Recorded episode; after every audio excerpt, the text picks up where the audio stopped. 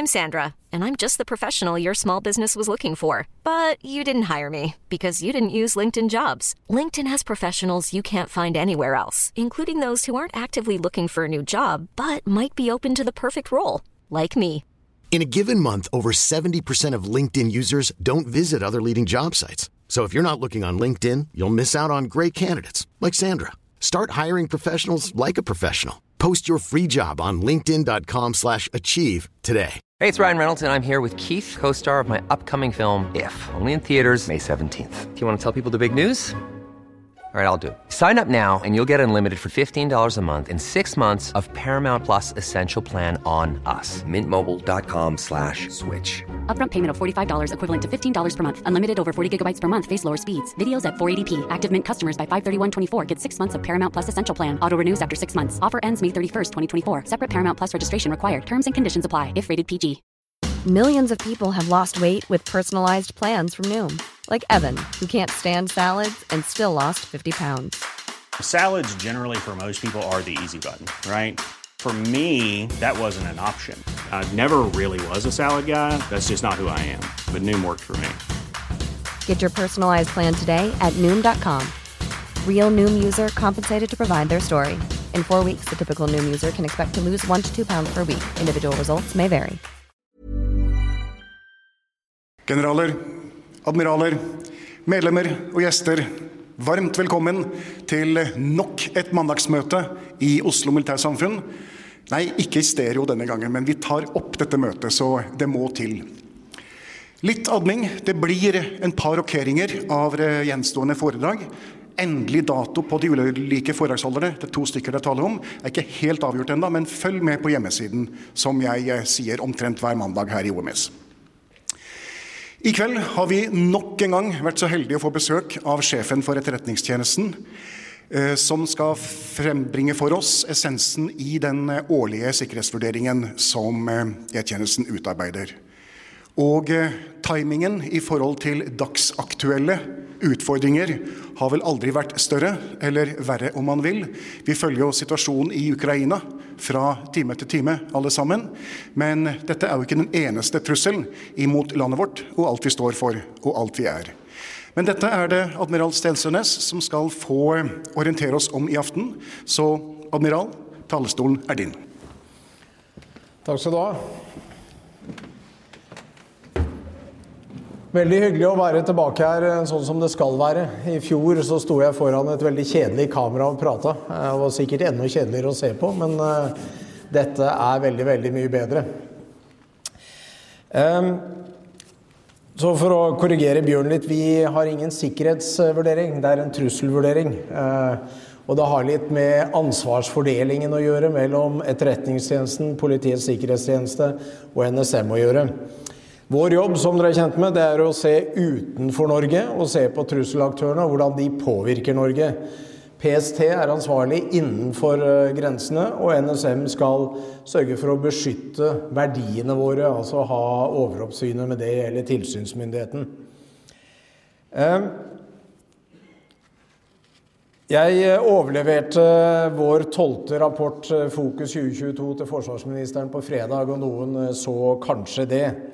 Og det er jo ment å være vårt bidrag, vårt årlige bidrag til diskusjonen og forståelsen rundt trusselsituasjonen som Norge befinner seg i. Eh, og hva vil kunne møte de, de kommende årene. Eh, og som eh, mange av dere vet, så favner fokus veldig bredt.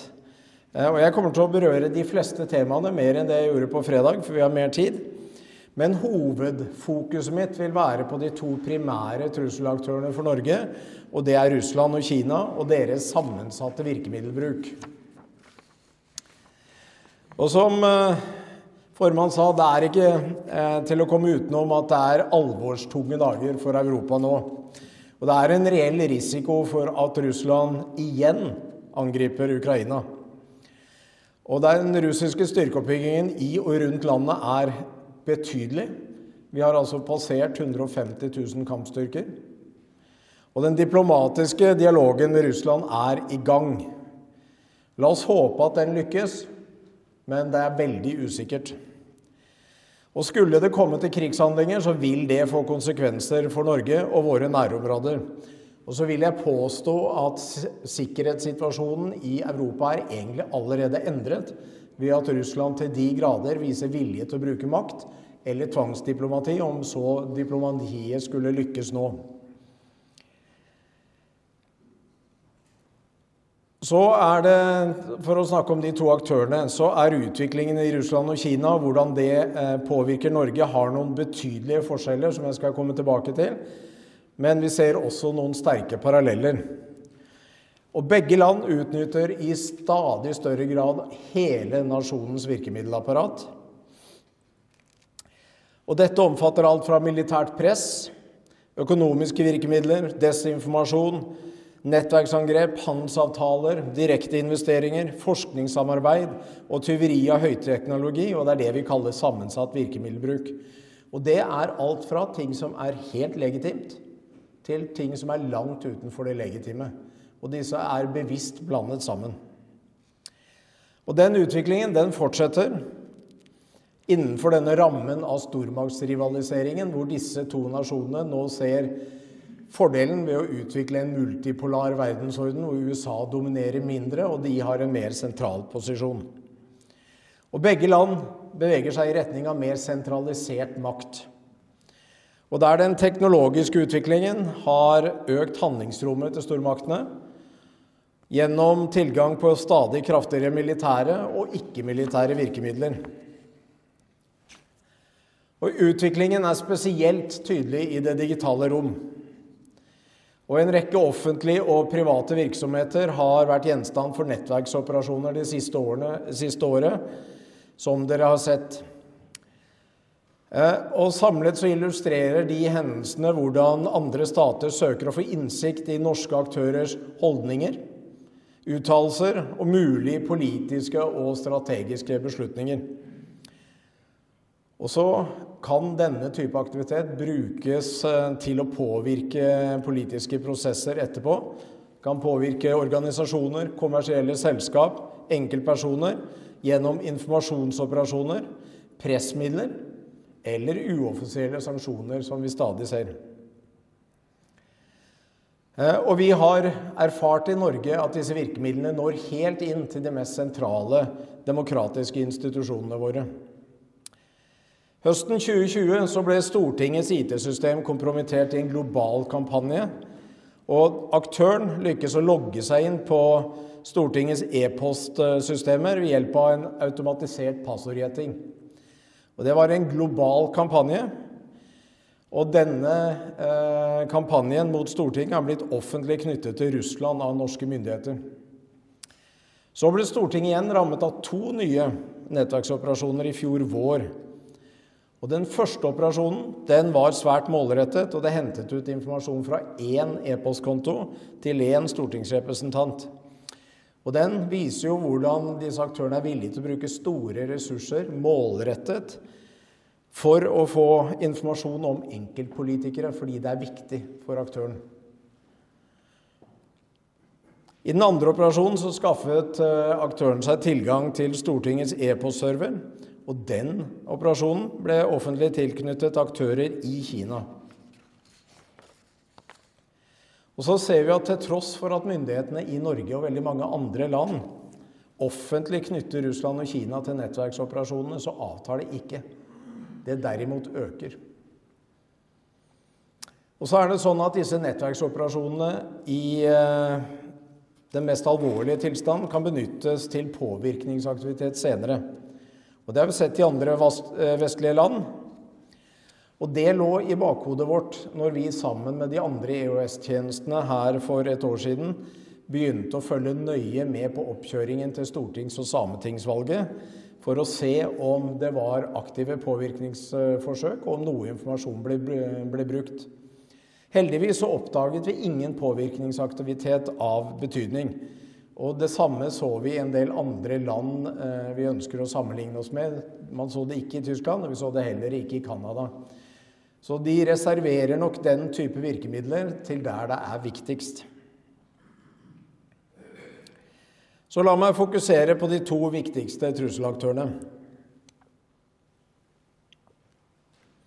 I Kina så er nå makten konsentrert hos president Xi Jinping og kommunistpartiet. Og Det store partiapparatet det er nå kjernen i virkemiddelbruken. Og Partiet kan mobilisere aktører utenfor det tradisjonelle diplomatiet til å jobbe for uh, utenrikspolitiske mål. Og Kinas myndigheter snakker om den store gjenreisingen av den kinesiske nasjonen.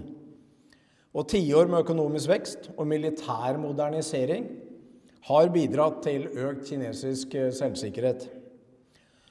Og partiledelsen søker større innflytelse i internasjonale organisasjoner og i utforming av normer og regler innen alt fra menneskerettigheter til havrett, teknologiske standarder, finansiell infrastruktur og Internett. Men så opplever Beijing at eh, økende kinesisk innflytelse fører til bekymring og skepsis i andre land, og ikke minst her i Vesten. Og Det har kinesiske myndigheter tolket som et ønske om å demme opp for kinesisk vekst. Og Denne kombinasjonen, økt selvsikkerhet og en opplevelse av å bli motarbeidet, har gitt opphav til en mer offensiv utenrikspolitikk og en større vilje til å stå i konflikter. Og kinesiske myndigheter opptrer lite kompromissvillig i møte med kritikk. Og den konfrontasjonsvillige tilnærmingen medfører høyere konfliktnivå i samhandling med andre nasjoner. Og både organisasjoner og næringsliv blir pålagt å la partiets utenrikspolitiske målsettinger være førende for aktiviteten i utlandet. Og videre så sørger kinesiske sikkerhetslover for at alle samfunnsaktører kan pålegges å delta i kinesisk etterretningsarbeid. Og Det gjelder bl.a. kinesisk industri, akademia, akademia og kinesere i utlandet generelt. Og Kinas etterretnings- og sikkerhetstjenester har stort handlingsrom. Og det er spesielt tydelig i eh, det digitale rom. Og kinesiske cyberaktører har blitt betydelig mer sofistikerte og koordinerte de siste årene. Og så er Norge et eh, ettertraktet mål for kinesisk etterretning. Bl.a. fordi vi er Nato-land med utstrakt samarbeid med USA. Fordi norsk forskning, teknologiutvikling og næringsliv er ledende på områder som Kina selv forsøker å utvikle. Og I tillegg så gjør norsk eh, arktispolitikk og posisjoner i FNs sikkerhetsråd oss til attraktive etterretningsmål. Og I tillegg så ser vi at uh, Kinas uh, ambisjoner om økt global innflytelse medfører økt etterretningsaktivitet mot internasjonale organisasjoner.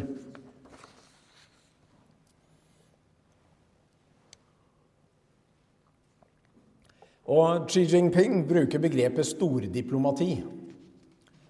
Og I praksis så er det en doktrine for sammensatt virkemiddelbruk.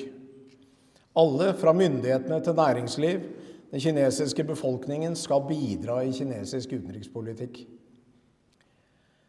Og innsatsen skal og blir koordinert av kommunistpartiet. Og nå er det sånn at ni av ti av de 500 største selskapene i Kina har partikomiteer. Og disse komiteene involverer seg i investeringer, viktige veivalg, tilsetninger osv. Og det samme gjelder ganske mange internasjonale filialer av de samme selskapene. Og Ovenfor vestlige kapitalrike land så benyttes målrettede tiltak for å vise at det koster å føre en Kina-kritisk politikk. Uformell import og eksportrestriksjoner er tydelige eksempel. Enten det gjelder overfor Australia etter at Canberra ønsket en uavhengig granskning av opphavet til covid-19, mot Canada etter arrestasjonen, arrestasjonen av Huawei-lederen eh, Meng Wanzhou. Eller mot Litauen etter at landet opprettet et representasjonskontor for Taiwan i Vilnius. Og det vi ser i Kina, som i Russland, så er næringsvirksomhet knyttet tett til stats- og samfunnssikkerhet. Investeringer i kompetansebedrifter, kontrakter i kritisk infrastruktur Innpass i leverandørkjeder utnyttes for å nå sikkerhetspolitiske mål. Så eierskap i, utbygging av digital infrastruktur, kan gi tilgang til kommunikasjons- og styringssystemer som først og fremst kan benyttes til etterretning, men etter hvert også påvirkning og i verste fall nektelsesoperasjoner. Og manipulering av forsyningskjeder eller struping av tilgang på viktige varer kan utnyttes til press.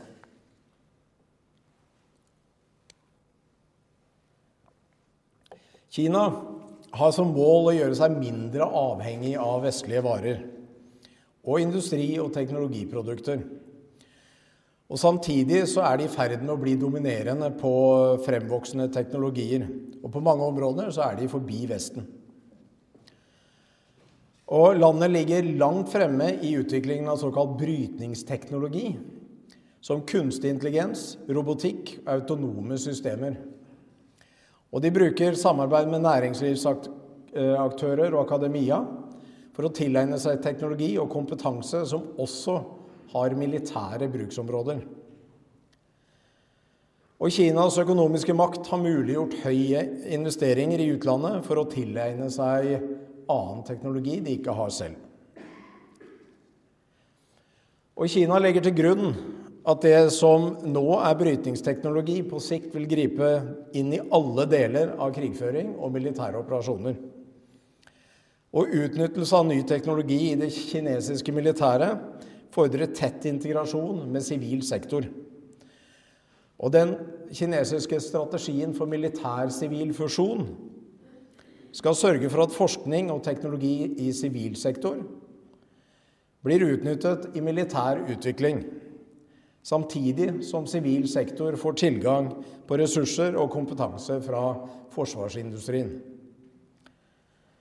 Og En konsekvens av dette er at grensene mellom sivil og militær eh, virksomheter blir utydelige. Og det gjør også eksportkontroll og kontroll med kompetanse osv. mer utfordrende enn det ellers hadde vært. Og Det kinesiske militæret befinner seg i en voldsom moderniserings- og vekstfase. Alle forsvarsgrener faser inn høyteknologisk utstyr parallelt med endringene i personellstruktur, doktriner og taktisk trening. Og Kina har opparbeidet seg en robust forsvarsevne innenfor den første øykjeden, som dekker Øst- og Sør-Kina-havet men de mangler kamperfaring, og det forblir en begrensende faktor eh, for dem. Og det søker de å avhjelpe med samarbeid med andre nasjoner, bl.a. Russland. Kinas strategiske styrker utgjør en moderat, men en ganske robust styrke, med rundt 100 landbaserte interkontinentale ballistiske missiler, seks strategiske ubåter. Og Noen av Kinas mellomdistanse ballistiske missiler er også utrusta med eh, kjernefysiske stridshoder. Og Utviklingsprogrammet for ballistiske missiler det er svært omfattende. Og Som eh, sikkert mange av dere fikk med dere, så har Kina et omfattende utviklingsprogram for hypersoniske glidefarkoster. Og For ikke lenge siden så hadde de en av de som gikk hele, hele veien rundt jorda før den kom tilbake til overflaten og traff mål i Kina. Altså en hel runde rundt jorda.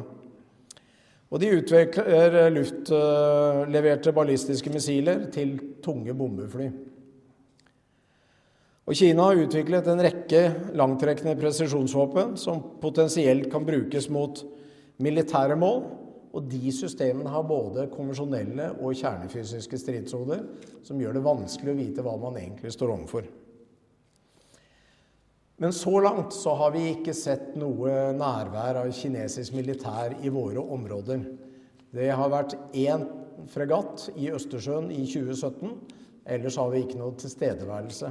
Men mange av disse systemene deres har global rekkevidde etter hvert. Men det samme kan vi ikke si om Russland.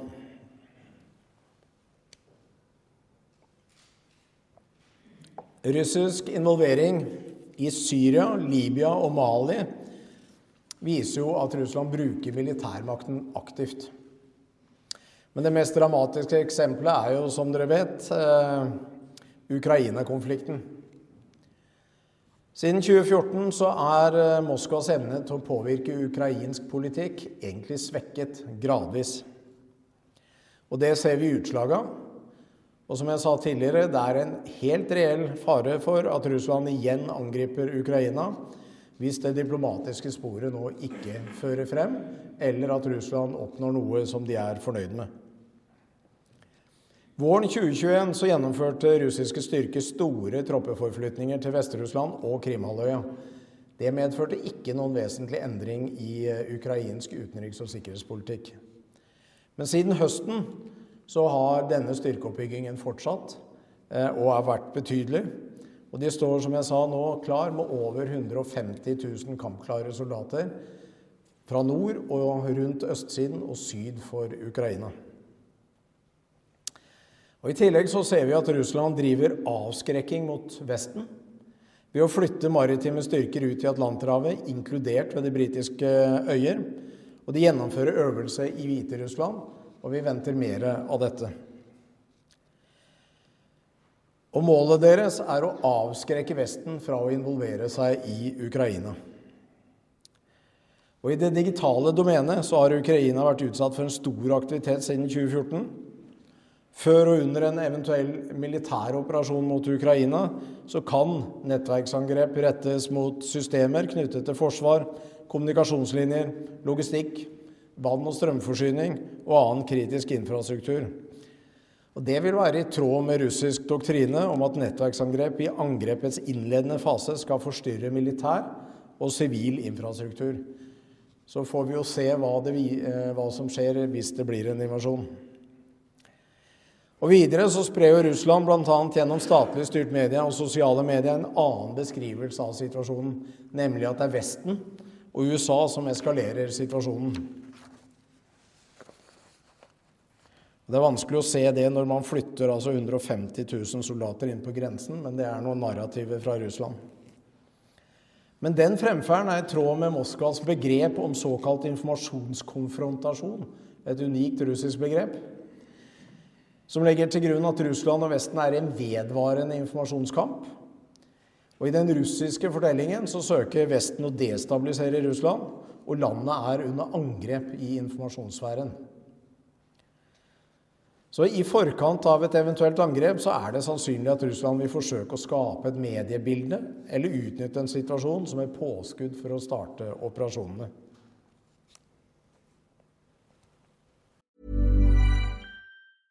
Hiring for your small business? If you're not looking for professionals on LinkedIn, you're looking in the wrong place. That's like looking for your car keys in a fish tank.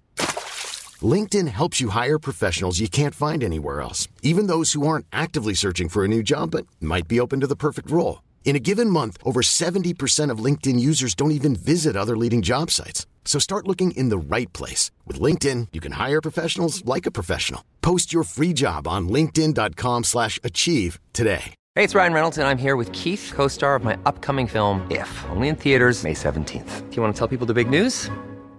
All right, I'll do it. Sign up now and you'll get unlimited for $15 a month in six months of Paramount Plus Essential Plan on us. Mintmobile.com slash switch. Upfront payment of $45 equivalent to $15 per month. Unlimited over 40 gigabytes per month. Face lower speeds. Videos at 480p. Active Mint customers by 531.24 get six months of Paramount Plus Essential Plan. Auto renews after six months. Offer ends May 31st, 2024. Separate Paramount Plus registration required. Terms and conditions apply if rated PG.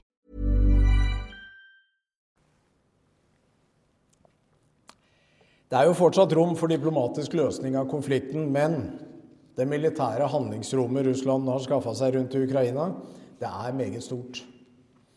Og Eventuelt angrep på Ukraina kan være avgrenset eller svært omfattende.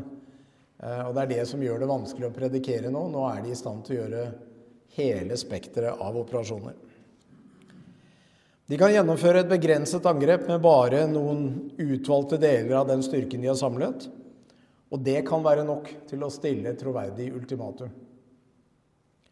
Eller de kan gjennomføre en invasjon av deler av Ukraina, som Luhansk i øst, eller hele landet, med mål om å innsette en prorussisk regjering i Kiev.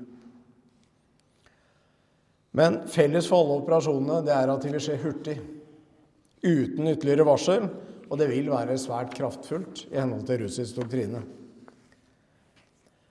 Og Den russiske militærdoktrinen åpner for å såkalt redde etniske russere i utlandet med militærmakt. Og Siden 2014 så har det vært klar, klar tale fra Putin om at Russland vil respondere militært på bortfallet av Ukraina som bufferstat, og det han opp, oppfatter som økt tilstedeværelse av Nato-kapasitet nær Russlands grenser. Russiske militære styrker er totalt overlegne de ukrainske. For Den russiske militærmakten har gjennomgått en kraftig modernisering det siste tiåret, og utviklingen fortsetter. Eh, og Der er det viktig å huske at det er ikke bare tall lenger. De handler ikke om 300 000 versus 100 000 eller 200 000 versus 100 000. Det handler like mye om våpensystemer og ikke minst kommandokontroll og evnen til å bruke det dynamisk og overvåke Eh, stridsfeltet, sånn at du bruker styrkene dine der de gir avgjørende effekt. Og som jeg sa, så har Russlands militærmakt gjennomgått en kraftig modernisering det siste tiåret, og den utviklingen den fortsetter. Og Det er nå den dimensjonerende militære trusselen mot Norges suverenitet, befolkning, territorium, sentrale statsfunksjoner og infrastruktur. Og flere av Russlands mest avanserte våpensystemer, bl.a. det ballistiske missilet Iskander, kryssemissilet Kaliber og det hypersoniske missilet Kinshal, inngår i den viktigste militære utviklingen i de russiske styrkene de senere årene evnen til presist å ramme mål på store avstander.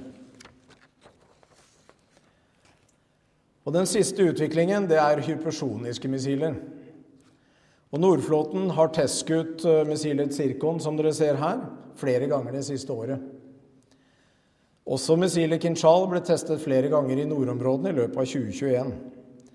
Og Disse hypersoniske missilene de flyr fortere enn fem ganger lydens hastighet og er svært krevende å forsvare seg mot. Og de er egentlig designet for å omgå forsvarssystemene i Nato og i Vesten. Det er det som er den dimensjonerende trusselen de er designet for. Og Langtrekkende presisjonsvåpen er nå en viktig komponent i Russlands strategi om å ramme motstanderens kampvillighet, eller kampvilje, så vel som militære evne raskt og presist. Og Russisk doktrine har som mål å tvinge frem en tidlig avgjørelse ved å ramme mange av motstanderens kritiske mål raskt og helst samtidig.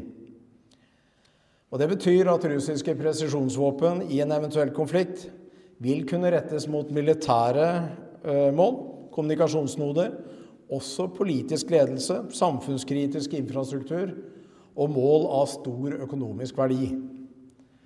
Og Det her er grunnen til at vi følger så spesielt nøye med på utviklingen av russisk militærteknologi i nord, både plattformer og ikke minst våpnene deres.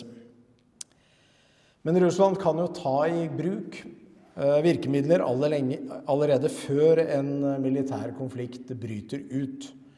Bl.a. politisk påvirkning, informasjonskrigføring, nettverksangrep, sabotasje, infiltrasjon, energiforsyningsbrudd, grensekrenkelser og trussel om militærmakt.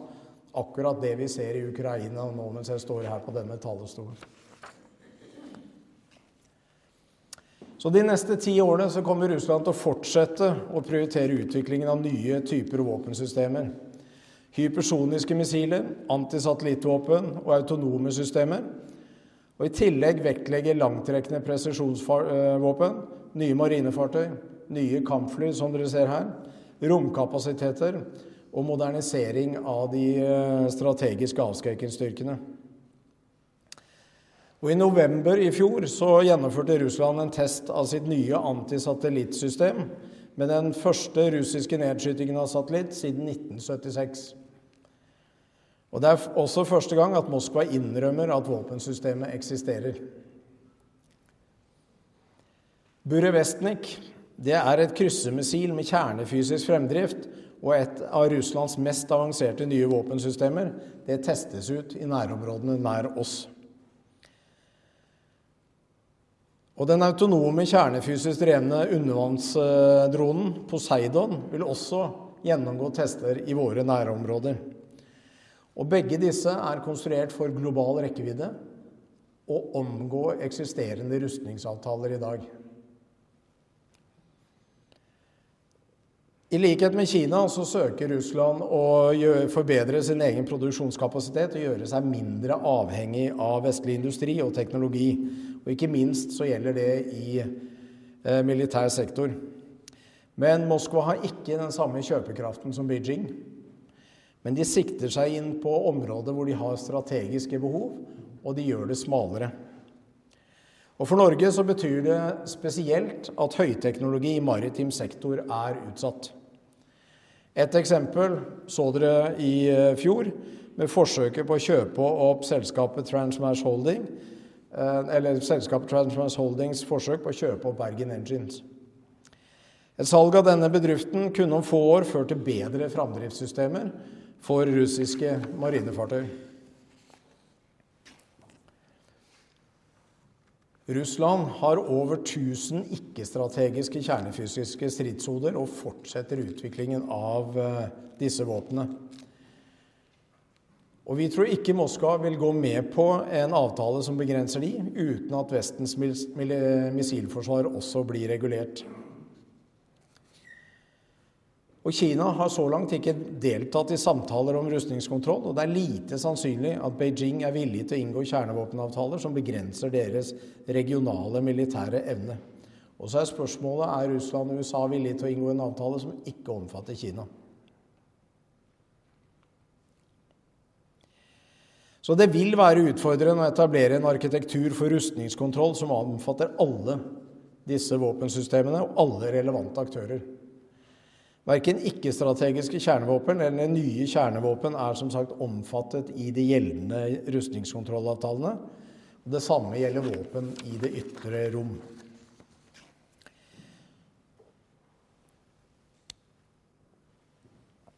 Så la meg bruke noen ord om andre aktører også som er av interesse, og som vi følger med på. La meg begynne med Nord-Korea. De har et aktivt program for både kjernevåpen og missiler. Og I 2021 så har landet testet kryssemissiler, kortrekkende ballistiske missiler, et regionalt ubåtmissil og en tidlig versjon av hypersonisk glidefarkost. Og Vi ser også tegn på at de viderefører produksjon av både uran og plutonium til bruk i kjernevåpen. Og Nord-Korea ser på disse våpnene som en garanti for regimets overlevelsesevne. Og De våpnene bidrar til regional avskrekking og troverdig gjengjeldelse mot Sør-Korea og amerikanske styrker i regionen. Og Forhandlingene mellom Washington og Pyongyang har stått stille det siste året. Så går vi videre til Iran, som gradvis har trappet opp atomprogrammet siden 2019. Landet vil trenge få måneder til å anrike nok våpenuran til et kjernefysisk stridshode, men de vil bruke noe lengre tid på å produsere selve stridshodet og integrere det i et ballistisk missil. Og Irans missilprogram dekkes ikke av atomavtalen, og landet har flere missiler som kan bære kjernefysiske stridshoder, og de kan nå nå Midtøsten og store deler av Europa. Og Utfallet av de pågående forhandlingene om atomavtalen og utviklingen i Iran har konsekvenser for sikkerhetssituasjonen i hele Midtøsten. Og Irans utplassering av droner og ballistiske missiler i Irak, Syria, Libya og Jemen gjør det mulig for Teheran å ramme Israel, Saudi-Arabia og amerikanske baser. Og systemene benyttes for å legge press på regionale aktører og utgjøre en sentral del av Irans kapasitet ved en eventuell konflikt.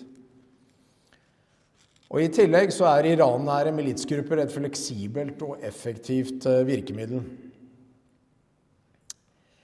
Men nedtrappingen av USAs engasjement både i Midtøsten og Nord-Afrika betyr jo at stater som tidligere har støttet seg til amerikanske sikkerhetsgarantier, nå må ta større ansvar for egen sikkerhet. Og det har skapt en ny dynamikk. Vi ser Saudi-Arabia og Iran har i 2021 gjennomført samtaler. Og flere arabiske stater søker å normalisere forholdet til Assad-regimet i Syria. Og det er få som lenger ser noe alternativ til Assad blir sittende ved makten. Og Tyrkia nærmer seg nå tradisjonelle rivaler som Egypt, De forente arabiske emirater og Saudi-Arabia. Men flere stridsspørsmål står fortsatt i veien for full normalisering mellom de regionale maktene. Og sentralt står, som jeg var inne på, atomforhandlingene med Iran. Irak på sin side vil forbli ustabilt med et svakt politisk system ute av stand til å redusere de enorme offentlige utgiftene. Og vi forventer sosial uro der også i 2022. Og I Syria så vil den økonomiske og humanitære krisen forverres. Libya står i en fastlåten militær situasjon med press fra Russland og Tyrkia på hver sin kant. Og Afghanistan er også i en prekær situasjon. En humanitær krise er nært forestående, og ISILs lokale filial vil fortsette forsøkene på å destabilisere landet. Så politisk uro og væpnede konflikter i eh, deler av Midtøsten og Afrika øker rekrutteringsgrunnlaget og handlingsrommet til internasjonale terrororganisasjoner. Så den trusselen er ikke over, men den endrer seg. Al Qaida og ISIL har over tid foretatt en strategisk dreining. Begge prøver nå å bygge seg opp lokalt og angriper lokale myndigheter og militære mål i de områdene de har filialer. Så trusselen mot Vesten ut fra de områdene er noe mindre enn han var tidligere. Men angrepet på Guwairan-fengselet i Syria i slutten av januar er en indikasjon på kapasiteten ISIL har bygget opp i de siste årene. Så hvorvidt de snur det ut igjen senere, det vil bare tiden vise. Al Qaida har fulgt en strategi om samarbeid med Taliban i Afghanistan. Og vi forventer at det er en strategi som flere jihadistgrupper vil forsøke å etterligne. Og Lykkes de med det, så vil det bidra til uklare skiller mellom internasjonale terrororganisasjoner, lokale opprørsgrupper og politiske aktører. Og Det vil gjøre det vanskelig for det internasjonale samfunnet å enes om hvem som utgjør en trussel, og om hvordan de eventuelt skal bekjempes. Så terrortrusselen mot Norge, både fra ekstrem islamisme og høyreekstremisme, kommer nå i hovedsak fra personer og løse nettverk av sympatisører uten sterke bånd til disse internasjonale organisasjonene.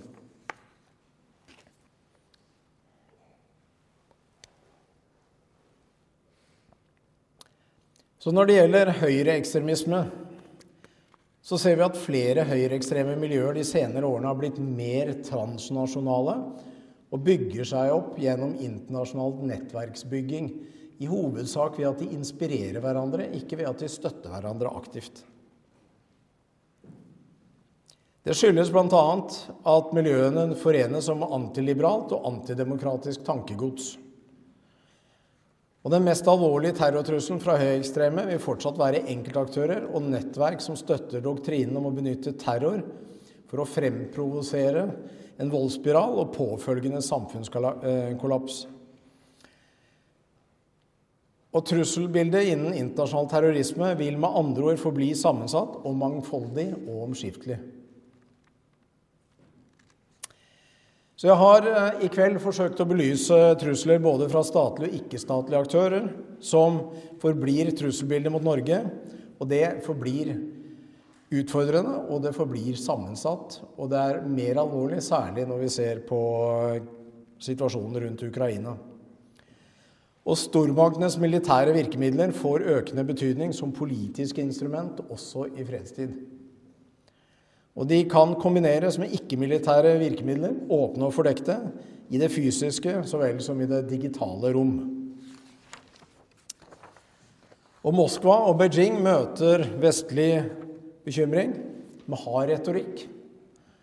Og Den tilnærmingen fører til høyere konfliktnivå i samhandling med andre stater. Og så ser vi at både Moskva og Beijing i større grad enn tidligere velger å stå i de konfliktene. Og som jeg sa under overrekkelsen av Fokus, den tilnærmingen er ment å utfordre Vestens verdifellesskap og alliansepolitikk. Og den globale sikkerhetssituasjonen det er en pågående konkurranse, der statsmaktene søker å utnytte sine komparative fortrinn kontinuerlig. Og russisk og kinesisk fremferd er, er en del av den tiltagende rivaliseringen. Og Den fører til sterkere polarisering. Og i den situasjonen så vil mindre stater som Norge stadig bli avkrevd å ta stilling i internasjonale konfliktspørsmål. Og Det er rimelig å forvente at dette kan legge press både på myndigheter og organisasjoner og private selskap fremover. Så er det sånn at Avslutningsvis vil jeg si at Fokus 2022 og mitt foredrag her i kveld det er vårt bidrag til den offentlige debatten og ordskiftet om sikkerhetsutfordringene vi står overfor i 2022 og de nærmeste årene. Så er det mitt håp om at det kan bidra til en informert og god diskusjon. Eh, og så vet jo dere like godt som meg at som etterretningsorganisasjon så er det veldig mye mer vi har lyst til å si, som ikke vi kan si. Eh, og så vil våre rapporter alltid være preg av det. Vi har bl.a. blitt kritisert fordi vi ikke debatterer for og imot. Det har en veldig god forklaring. Hvis vi skal gjøre det, så må jeg gå ned til grunnfaktaene og si denne fakta taler for, dette taler mot. Da begynner vi å komme nær kildene våre, og det kan jeg dessverre ikke gjøre. Eh, derfor så blir rapporten av det preget er, og så ønsker jeg å svare på spørsmål og være så konkret som jeg kan. Og så håper jeg dere bærer over meg hvis jeg av uh, forskjellige grunner ikke kan være mer konkret eller direkte i uh, svarene på de spørsmålene dere måtte ha. Takk.